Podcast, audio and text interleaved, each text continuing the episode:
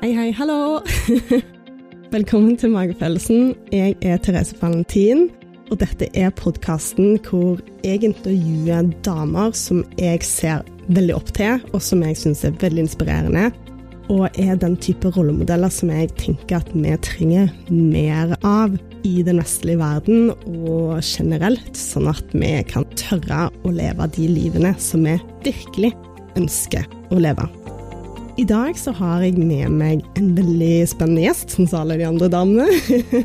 Hun heter Danat Tekie. Sorry, Danat, hvis jeg uttaler etternavnet ditt uh, feil. Hun har en veldig imponerende karriere bak seg. Kanskje ikke bare karriere, men hennes tankesett syns jeg er veldig, veldig inspirerende, med tanke på at hun ser et problem, og så tenker hun dette her må vi gjøre noe med. Og det har hun virkelig bevist. Hun har jobbet som gründer og skapt et internasjonalt nettverk for å sørge for at unge stemmer virkelig kommer fram. For å skape innovasjon, spesielt innenfor bærekraft. Og hun brenner enormt for mangfold. Det vi snakker om i denne episoden, det er å tørre å stikke seg fram, gjøre ting selv om det virker litt skummelt.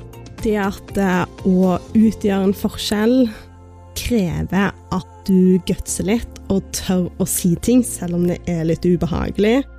Og hvordan å velge sine ord sånn at du faktisk blir lytta til. Og så er vi selvfølgelig innom temaer som skam og frykt og skyld og alt det greiene der, sånn som vi er i de fleste episodene mine. Kos deg med episoden.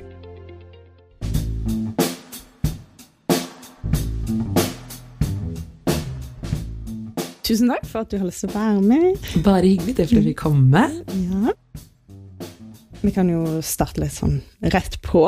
Jeg vet du har en veldig spennende reise. Så for å la deg bestemme hva du eh, kanskje har syntes vært gøyest, så lurer jeg på hva er det du er mest stolt over å utrette i løpet av livet? Det er et veldig, veldig godt spørsmål. Jeg har gjort frem til nå, i hvert fall, veldig mange forskjellige ting. Det har vært en rød tråd, kanskje, i at mye av det har handlet om å ta initiativ, være med på ting som handler om å gjøre noe for andre, og ting som utfordrer en selv. Og det er i mange fasetter. Det er liksom idrett, det Mm. er eh, starte ting hvor man ser problemer eller ser muligheter, starte et nettverk for unge eritreere. Jeg har eritreisk opphav, men født og oppvokst her i Norge, da. Og det å se at okay, det er et behov for at folk må samle seg igjen, ok, vi gjør det. Eller det jeg har jobbet med de siste årene med Young Sustainable Impact, hvor vi også har gjort det samme, da. Følt på et behov, følt på en mangel, og så handlet basert på det så i de fasettene, eller om at jeg har tenkt at ok, nå skal jeg utfordre meg å gjøre noe som kanskje ikke andre gjør, som er litt mer utradisjonelt. Og det har jo også gjort at man må stå i mye og møte på mange ting som mangel på forståelse for de valgene man tar, eller det man gjør, eller at ingen helt skjønner det du gjør, og da kan man føle seg litt alene i det. Men jeg tror jeg er veldig stolt av veldig mange av de tingene jeg har gjort med skapelsen av YSI, som vi har jobbet med sammen, et ungdomsnettverk. At jeg har vært i Forsvaret, fordi at jeg med den bakgrunnen jeg har, tror det har vært en viktig signaleffekt for mange jenter som meg, da, Ja. når man snakker om representasjon og forbilder og rollemodeller, da. Kanskje noen av de tingene der. Det å gjøre til tross for kanskje hva alle andre tenker og mener, og bygge den veien, det må ha vært ganske krevende, kan jeg se for meg. Absolutt. Og jeg Mm. føler på mange måter at jeg har banet min egen vei, da. Jeg er også enebarn, som betyr at jeg har ikke liksom kunnet lene meg på eldre søsken, eller jeg har foreldre som er førstegangsinnvandrere til Norge, som man får mye moralsk støtte, men det er jo ikke sånn at pappa hjelper meg med norskoppgaven min, eller Mm. min første jobb. Du må stå mye i det selv, du må Mm. finne ut av mye selv, du må være proaktiv for egen skyld. Det tror jeg gjør noe med kanskje også hvordan man angriper ting. Mm. Eh, Og kanskje derfor også er jeg litt mer sånn oppsøker ting og er med på å skape ting og tar initiativ fordi jeg har måttet ta mye initiativ på veien. Da. Men jeg tror at det krever mye av deg, det å stå i ting. Vi må ikke gidde det i Norge. Vi kan leve veldig komfortabelt da, uten å gjøre så veldig mye, og det er jo kanskje hva folk foretrekker også, men vi må ikke på en måte leve det tøffeste livet for å få det til å klare oss, kanskje som om vi andre steder. Og det tror jeg gjør noe med mentaliteten til hvordan vi angriper ting og muligheter. Da. Samfunnet står jo overfor en del problemstillinger, og da Mm. hvis det er ingen som tør å kanskje skille seg litt ut og ta de takene. Og det er noe med du sier der, liksom, skille seg ut, være Mm. den som tør å rekke opp hånda, eller Mm. tør å svare. Og der har liksom litt sånn jantelovkultur i Norge, hvor Ja. man er litt sånn Ja, hva tenker folk da? Så er det ingen som sier noe. Selv om det er veldig mange som tenker. By litt på seg selv i en større grad kan vi nok kanskje gjøre litt mer av, tenker jeg. Tror jeg har vokst opp med at du skal liksom ikke si at du er bedre enn noen andre, Mm. eller trekke fram det du er flink til. Vi skal ikke tro at vi er bedre enn andre Nei. i den forstand liksom overlegenhet, fordi Mm. du har gjort en ting eller en annen, men i den forstand med at du skal jo eie at ja, det er jeg god på, det har jeg gjort, og det er det jo ingen skam i, da, kan man si, med at man skal være flau over det, for det har man jo mestret, og det å si at dette er jeg flink på, det må vi jo si for å liksom bygge oss litt. Men det er jo selvfølgelig en balanse i det, da.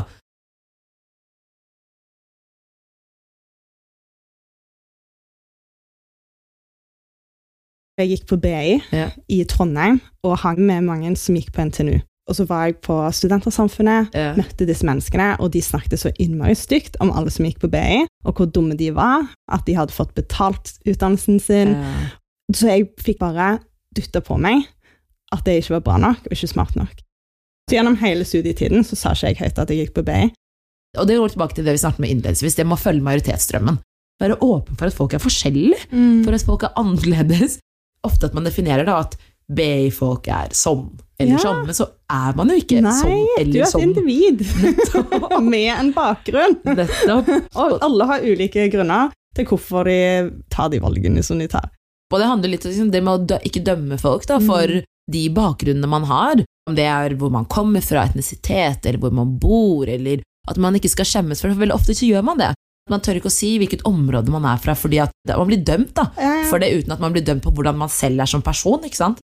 Jobbe med de fordommene egentlig man bygger da, rundt, eh, rundt enheter, eller hva det enn er. Og kanskje tørre å utfordre hverandre også, på det. Jeg liksom ikke Hvis man har, møter en venn og så Ja, men det er sånn og sånn, som er sånn Nei, vet du hva? Sånn er det ikke at du tør å stå opp for hverandre, da. For der er vi også litt flinke på å bare se på.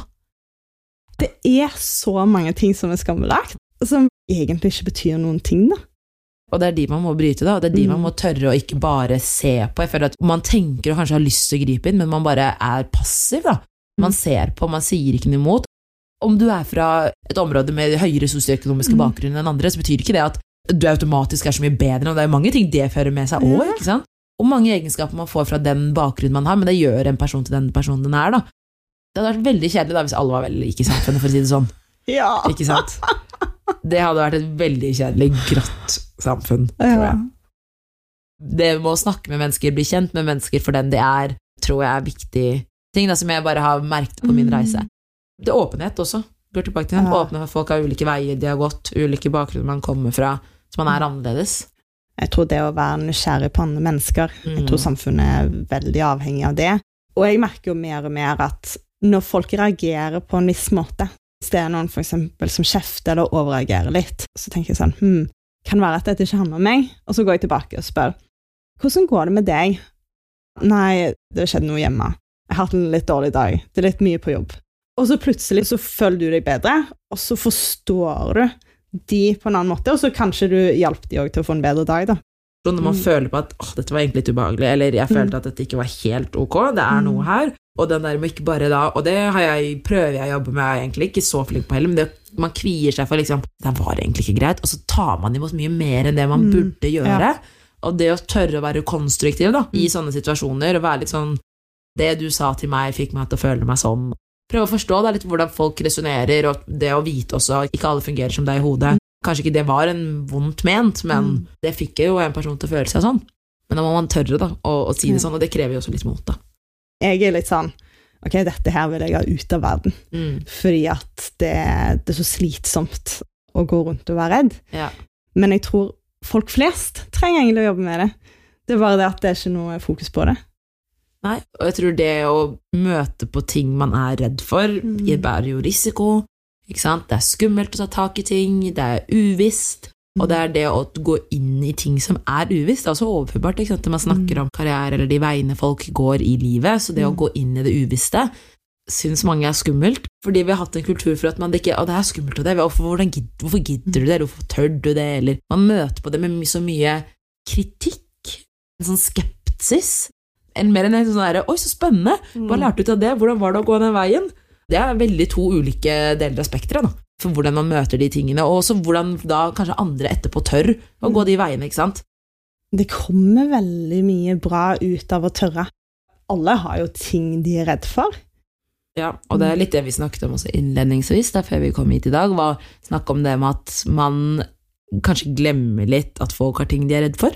At Mm. folk som går en vei eller mestrer noe, virker som om de ikke er redde for det fordi de er gode i det de gjør, eller Mm. et eller annet sånt. da. Men det betyr ikke at man ikke er redd for det eller syns ting er ukomfortabelt, men man gjør det sånn som vi sa innledningsvis, til tross for, så tør du å hoppe inn i det. Og det er jo kanskje en sånn ferdighet eller egenskap man kan fostre mye mer da, hos folk, uavhengig av hvilken alder man er, eller hva man, ja, Mm. hvordan man er. da. Så hva er det du syns er skummelt? Det var et veldig godt spørsmål. Jeg hopper veldig ofte i ting jeg ikke har så mye erfaring med, kanskje sånn direkte, men som jeg mer brenner for. Jeg drives veldig av det å kunne være med på å bidra, og det ønsker jeg å gjøre hvor enn jeg kan. Men det betyr jo også at man kan gjøre på veldig mange forskjellige arenaer på forskjellige måter, som man nær sagt ikke alltid kanskje er ekspert på. Og det å da bare hoppe i ting som er uvisst, og som jeg kanskje ikke har gjort veldig mye før, som jeg tenker at liksom, ja, det får jeg til. Pippi Langstrømpe-mentalitet, da. Og det er jo ofte litt skummelt. Og litt sånn som jeg sa til deg der jeg står også akkurat i dag, da, ved et veiskille, skal liksom på en ny vei, og uten at jeg har jobbet sånn i altfor mange år, men liksom jobbet med noe eget de siste seks årene, og så skal man nå gjøre noe nytt. Ok, hvor skal jeg videre nå? Når ting er uvisst, Mm. er også skummelt, syns jeg nå, da. Som regel går det bra uansett, da. Det å prestere, det å gjøre det bra der man er, det å kunne mestre ting, det tror jeg er en sånn iboende faktor at man, mennesket ønsker å mestre, men hoppe inn i ting og levere på noe, imponere, prestere, Så du har en frykt for å ikke levere? ja, man skal komme inn og på en måte få ting på glid og få ting til. Og hva frykter man da? Kanskje bare liksom ikke at man, er, at man ikke er god nok, eller man ikke får det til, eller at man kanskje stagnerer i noen tilfeller og liksom ikke vokser. Hvis det er viktig for deg, og det er viktig for meg i hvert fall, kunne liksom hele tiden få litt nye erfaringer. Så kanskje noen av de tingene der.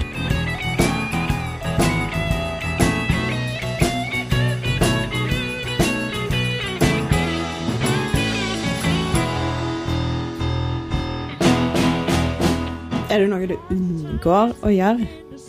Ikke nødvendigvis i arbeidslivet, men også på privaten, fordi at du syns det er ubehagelig. Da kan det bli personlig, men jeg tror liksom Sånn i mitt profesjonelle liv så er jeg veldig fryktløs, Mm. uavhengig om man liksom Jeg hopper inn i det samme hva, og det tror jeg handler mye om at jeg er trygg på meg selv. Og kanskje er litt en litt sånn person som hopper rundt ting, så må du kanskje ha den tryggheten for å kunne tørre det, da.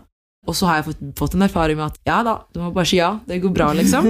Eh, men på litt sånn personlige ting, når det kanskje gjelder kjærlighet, så er jeg ikke den personen jeg er kanskje i mitt profesjonelle liv. da. Og så vet jeg at liksom, mitt rasjonelle jeg, og den jeg rådgir til alle mine venninner, den er liksom fortsatt den fryktløse sånn Ja, men herregud, bare tørr, hva skal skje, la, la, la, la, la. Men så er det sånn, når det er en selv, da, så er det jo mange ting der. Og det handler jo om mestring, ikke sant. Hva man har mestret og ikke. Hva man har erfaring med og ikke, som er veldig overførbart til det vi har snakket om. da mye av de tingene der skyver man ikke unna bevisst, men syns man er skummelt, da. Datinglivet er veldig sårbart, da. Og så er det jo en fare for avvisning. Det å bli komfortabel med det ukomfortable uansett hva, da. Det krever mye. Være liksom, ok, men hva er det verste som kan skje, da? Tenke litt sånn. Og jeg prøver det, og hvis man øh, syns at noe er skummelt, prøver jeg også å bruke mennesker jeg har rundt meg. Og dele akkurat det, og prøve å få et push, da. Og prøve å kartlegge hvem er det man syns er skummelt, da, litt sånn som du sa. Jeg har et par venninner jeg ringer til. Ja. Eller så ringer jeg til noen som er gode på det. Eksempel hvis de er litt sånn annerledes på et eller annet, og bare klarer å eie den annerledesheten. En god respons når man eier det. Hvis du da møter på negativ respons gjentagende ganger for den mening man prøver å liksom få opp i et rom, eller prøve å se andre ting fra andre perspektiver og ikke bli tatt imot, så fører jo jeg tror det med seg noe til slutt, da, som gjør at man trekker seg unna, eller at man lar det påvirke deg på, på et vis. Som vi snakket om i stad, heie på den annerledesheten, sette pris på det. Hvis det er ikke noen som liker meg for den jeg er, så er jo det egentlig ikke mennesker jeg har lyst til å ha i livet mitt. Mm. Fordi at jeg må kunne være meg sjøl. Det der med å snakke kanskje bevisst med folk man vet også det er annerledes enn deg. Og der tror jeg jeg hadde sikkert hatt en lang vei å gå, for jeg hadde blitt engasjert og Mm. følelsesmessig engasjert i en samtale hvor jeg møter kanskje noen som har veldig motstridende tanker da, om det samme temaet som meg. Hvis du bare tenker deg en politiker-partilederdebatt, Ja, ja, ja. så har du hele spekteret, og det for da to på helt yttersider sitte og høre på hverandre. Men se for deg da liksom å møte sånne da, mennesker til kaffe. Det er kanskje en utfordring som er veldig kult. da. Det gjør noe med den åpenheten for ulikheter da, til slutt. Politikere gjør visst veldig mye det når de har sånn byrådsmøter og sånn som det. De møtes for en øl etterpå, sånn helt bevisst fordi at det er så hete diskusjoner, men det å lære seg å være venner tross uenighet, da. Og visstnok på Stortinget òg, så er folk veldig gode venner, selv om det er mye diskusjoner. Men klarer å ha toleranse, da, ikke sant? og Ja, klarer å skille mellom Ja. Og det tror jeg jeg hadde hatt vanskelig, for jeg blir bare sånn der, Jeg hadde tatt det med meg. Men liksom kanskje etterlate det. Liksom, der hadde vi den diskusjonen. Mm. Og så legger vi det fra oss, og så Mm. går man videre, da. Og det blir jo man, kanskje særlig de veldig flinke, da. Men jeg tror jeg mange har godt av, og inkludert meg selv, jobbe med og lære med. Oppgavekonflikter, da, i Mm. anførselstegn, er gode å ha, da. For å skape det beste i den setningen samfunnet vi vil ha, ikke sant. Men ikke hvor man da går på grensen til det personlige, hvor man Mm. går utover der da, og begynner å identifisere folk med de meningene de har, og tenke at du er sånn bare fordi du tenker det, da. Selv om jeg tror nok mye i politikken at eh, de har forberedt noe i forkant, og så er det egentlig ingen som lyttes veldig mye til det de andre sier, så Ikke for at man skal lytte, og kanskje til og med ha en god diskusjon som Mm. går i en retning basert på hva diskusjonen bringer inn. Ja. Så det er jo mange ting som er nyttig på veien, da. mm. Eh, Og som jeg også har opplevd på min reise, med å ha vært i så mange forskjellige miljøer med forskjellige folk, og det å akseptere og møte at folk er ulike. Og det er fint. Har du kjent på skam på reisen din? At det er noe du har gjort eller ikke gjort av skamfølelse? Har ikke kjent på kanskje skam i en form hvor det liksom har preget meg. Det er jo kanskje noen elementer, uten å gå liksom inn på det, men litt som vi snakket om, da, med der man har lite erfaring på det personlige, på de tingene man ikke har mye erfaring med, som kan ha ført til at man skammer seg, for det er litt sånn utenfor normen for hvor samfunnet er. Men jeg tror sånn, i det brede forstand så har jeg nok ikke følt på liksom en sånn særlig skam, men jeg vet jo, jeg er veldig bevisst over at det er veldig mange som har opplevd det, opplever det på sin reise. Du snakket litt om eh, prestasjonsbehov. Hvordan kjenner du det hvis du ikke klarer å prestere? Jeg blir litt irritert, da. ja. Og jeg tror jeg overhørte liksom, moren min her en dag si at, eh, at jeg alltid blir, jeg har liksom blitt litt sånn irritert når jeg ikke får ting til Mm. som jeg vil at det skal være. Så i flere settinger man blir litt sånn Vi skulle ha fått det til! Eller åh, jeg har ikke lyst til å være dårlig. Og det kommer kanskje fordi jeg har vært i idrettsmiljøet lenge. handler om å prestere, det handler om at man jobber i utgangspunktet for å vinne, da. Hva nå enn det betyr. Hva handler den irritasjonen om? Hva er det du føler da? At jeg føler meg dårlig. ja, liksom at man liksom Åh, shit, der gjorde jeg det. Kanskje sånne så banale ting som vi snakket om i stad, mm. personlighetstest eller evnetester. Mm. Så blir jeg bare irriterer meg fordi jeg ikke mestrer de på en måte som gjør at man, man blir vurdert sant, på en Mm. skala, og så det sånn, så kommer du dårlig ut, og så da er du dårlig. Det kan hende at jeg skammer meg over ting jeg ikke mestrer. Irritasjon kan jo ofte være en form for skam.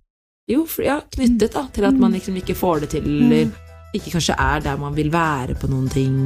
Ja, jeg kjenner meg veldig igjen. Ja.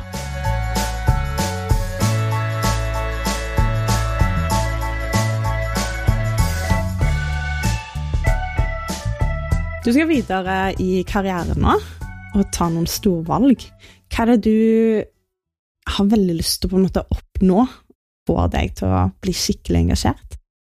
Er jo en veldig engasjert person som brenner bare for liksom litt mer det overordna med å bidra til at samfunnet vi lever i, er et bra sted for alle. Så for meg, så det skal ikke mye til for å engasjere meg. Jeg kan engasjere meg mye. Hvis du sier liksom at sement redder verden, så hadde jeg gjerne lyttet på den reisen, fordi det store bildet er at det bidrar til å, til å gjøre verden til et bedre sted. Da. Og jeg tror i det så er det litt sånn, hvor skal man da? Jeg unner liksom noe som er veldig sånn konkret, og liksom akkurat det vil jeg gjøre. Men jeg har en appetitt for mye. Jeg har en track record for alt det gått inn i det uvisste. Jeg har en hatt sånn mantra på å bare si ja til muligheter som kommer din vei, selv om det er skummelt. Men nå så har det liksom ikke bare ting skjedd på veien. Nå skal jeg liksom ta et valg. Og det er skummelt fordi Da er det litt sånn, enten så går det bra, eller så går det ikke helt som man har tenkt det, men det er litt sånn hvordan man ser på det hvis det ikke går så bra, da, eller hva man Mm. gjør med det. Jeg vet ikke hvor jeg vil, jeg bare vet at jeg vil bidra til utvikling, endring, og bruke meg som person. At jeg har en sterk stemme til å få til noe.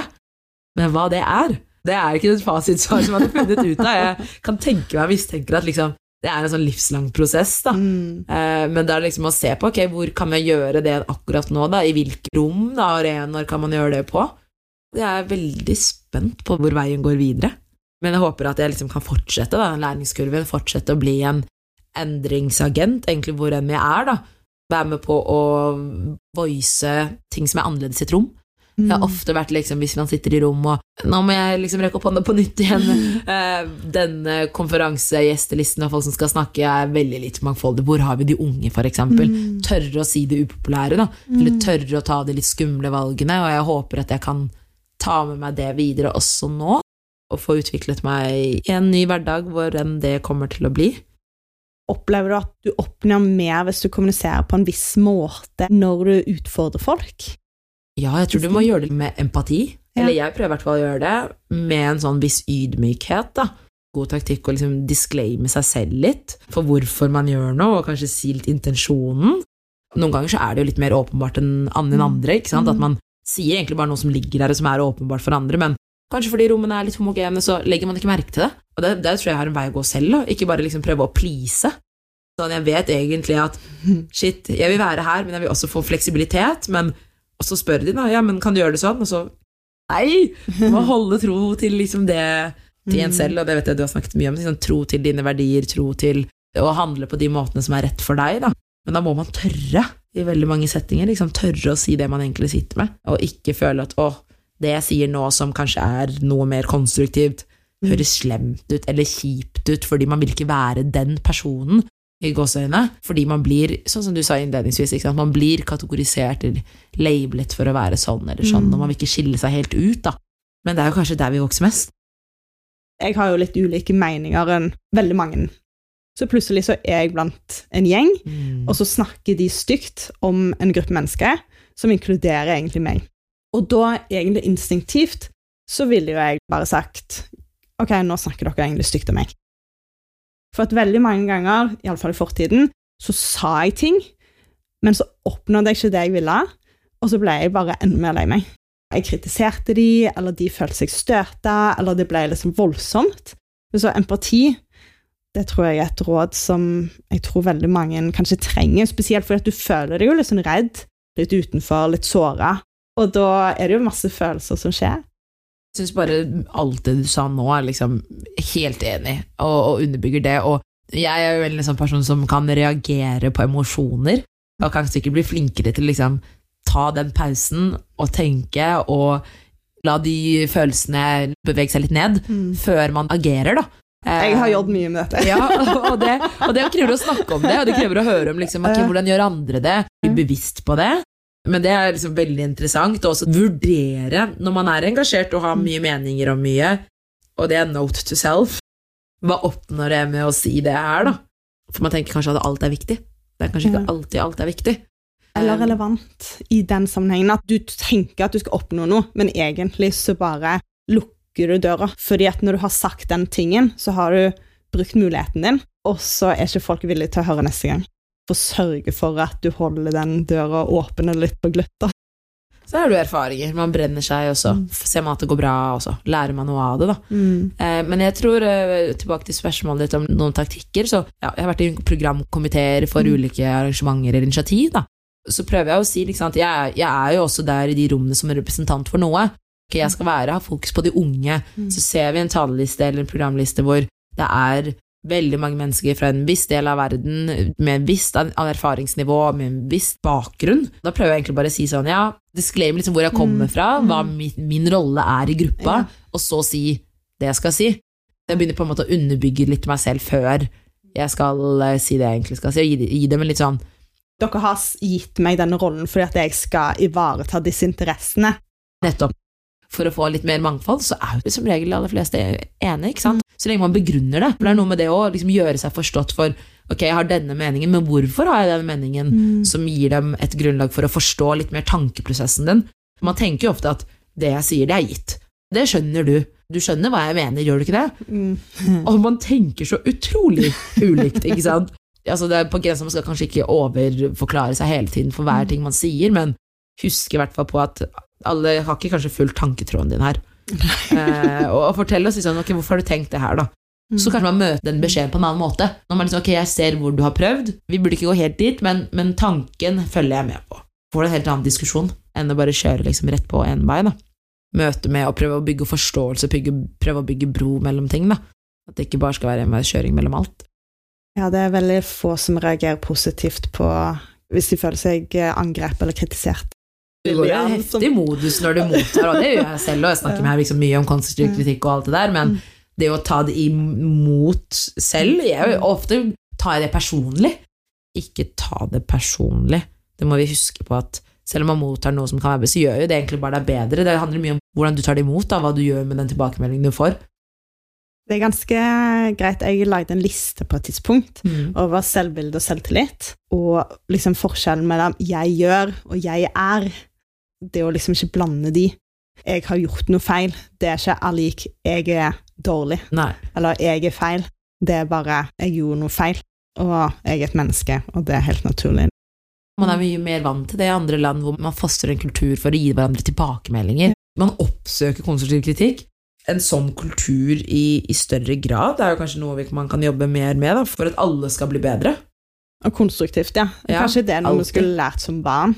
Hvordan å gi konstruktive tilbakemeldinger. For jeg tror det er veldig lett at folk kommer med pekefingeren, men kommer òg Hva kan jeg gjøre neste gang for å gjøre det bedre? Det krever noe av oss når vi gir den tilbakemeldingen også. Mm. Man ikke bare skal levere en beskjed eller si noe. Har du et råd til andre som ønsker å følge magefølelsen, og syns at det er vanskelig å gjøre det de virkelig har troen på? Jeg ville jo sagt i de tilfellene hvor man ikke tør å følge magefølelsen av frykt, så er det akkurat det du skal gjøre. Det er å følge magefølelsen. Og det er også en note to myself. Intuisjonen din, da, den, eh, den er ganske rett veldig ofte. Og det å tørre å hoppe i det hvis det er det du vil gjøre. Fordi hva er det verste som kan skje? Og jeg tror særlig i norsk sammenheng Mm. så er vi så utrolig privilegerte og heldige til å kunne gjøre det. Og da må vi bare tørre å hoppe i det, og så se på at dersom det ikke går sånn som det er planlagt, da, så har du i hvert fall kanskje du går litt til venstre i stedet Mm. for den veien du hadde tenkt eh, 90 grader rett frem, så får du en erfaring da, som gjør deg rikere. Så i de tilfellene hvor man er redd for å følge magefølelsen og egentlig liksom har lyst til å gjøre noe man ikke helt tør, så må du bare tørre. Og kanskje hvis man ikke klarer å få seg selv til å tørre, da så kan man gjøre liksom som vi har snakket om, da, ikke sant? ringe en venn, eller hjelpe noen som kan være med på å pushe deg litt når du Mm. står i den situasjonen. I de tilfellene hvor man er redd for å følge magefølelse pga. usikkerhet knyttet til Mm. er det riktig eller ikke, så kan det være nyttig å oppsøke folk som har erfaring Mye har gjort noe lignende. Jeg er veldig flink på å sende meldinger til folk som ikke kjenner meg, eller som jeg ikke kjenner så godt, for å ta en prat og lære av andre. Og Der tror jeg vi også kan bli flinkere her med å ta kontakt med de du også ikke kjenner. Du må ikke kjenne alle. Prøv å si 'hei, Dana, at du kjenner meg, men jeg ser du har gjort det', og vil gjerne lære litt av det. Kunne du tenkt å ta en samtale? De aller fleste vil hjelpe. De aller fleste vil være der om de har mulighet. Hvis du hadde hatt alle muligheter i verden, ingen begrensninger, hva hadde du gjort da? Da svarer folk veldig ofte ting som er veldig realistiske, eller mulig å gjøre. Og da er det ofte bare på grunn av frykt, eller man ikke bare tør å hoppe i det. Så det er jo noe med det. Det er kanskje noen av de to-tre rådene jeg ville gitt de andre, da. Basert på personlig erfaring, egentlig. Magefølelse er veldig spennende. Jeg hadde en opplevelse for en stund siden hvor jeg hadde en veldig dårlig magefølelse. Og så ble jeg veldig usikker, for at jeg bare sånn, jeg skjønner ikke hvorfor jeg har en dårlig magefølelse nå. For at dette er egentlig det jeg tror jeg vil.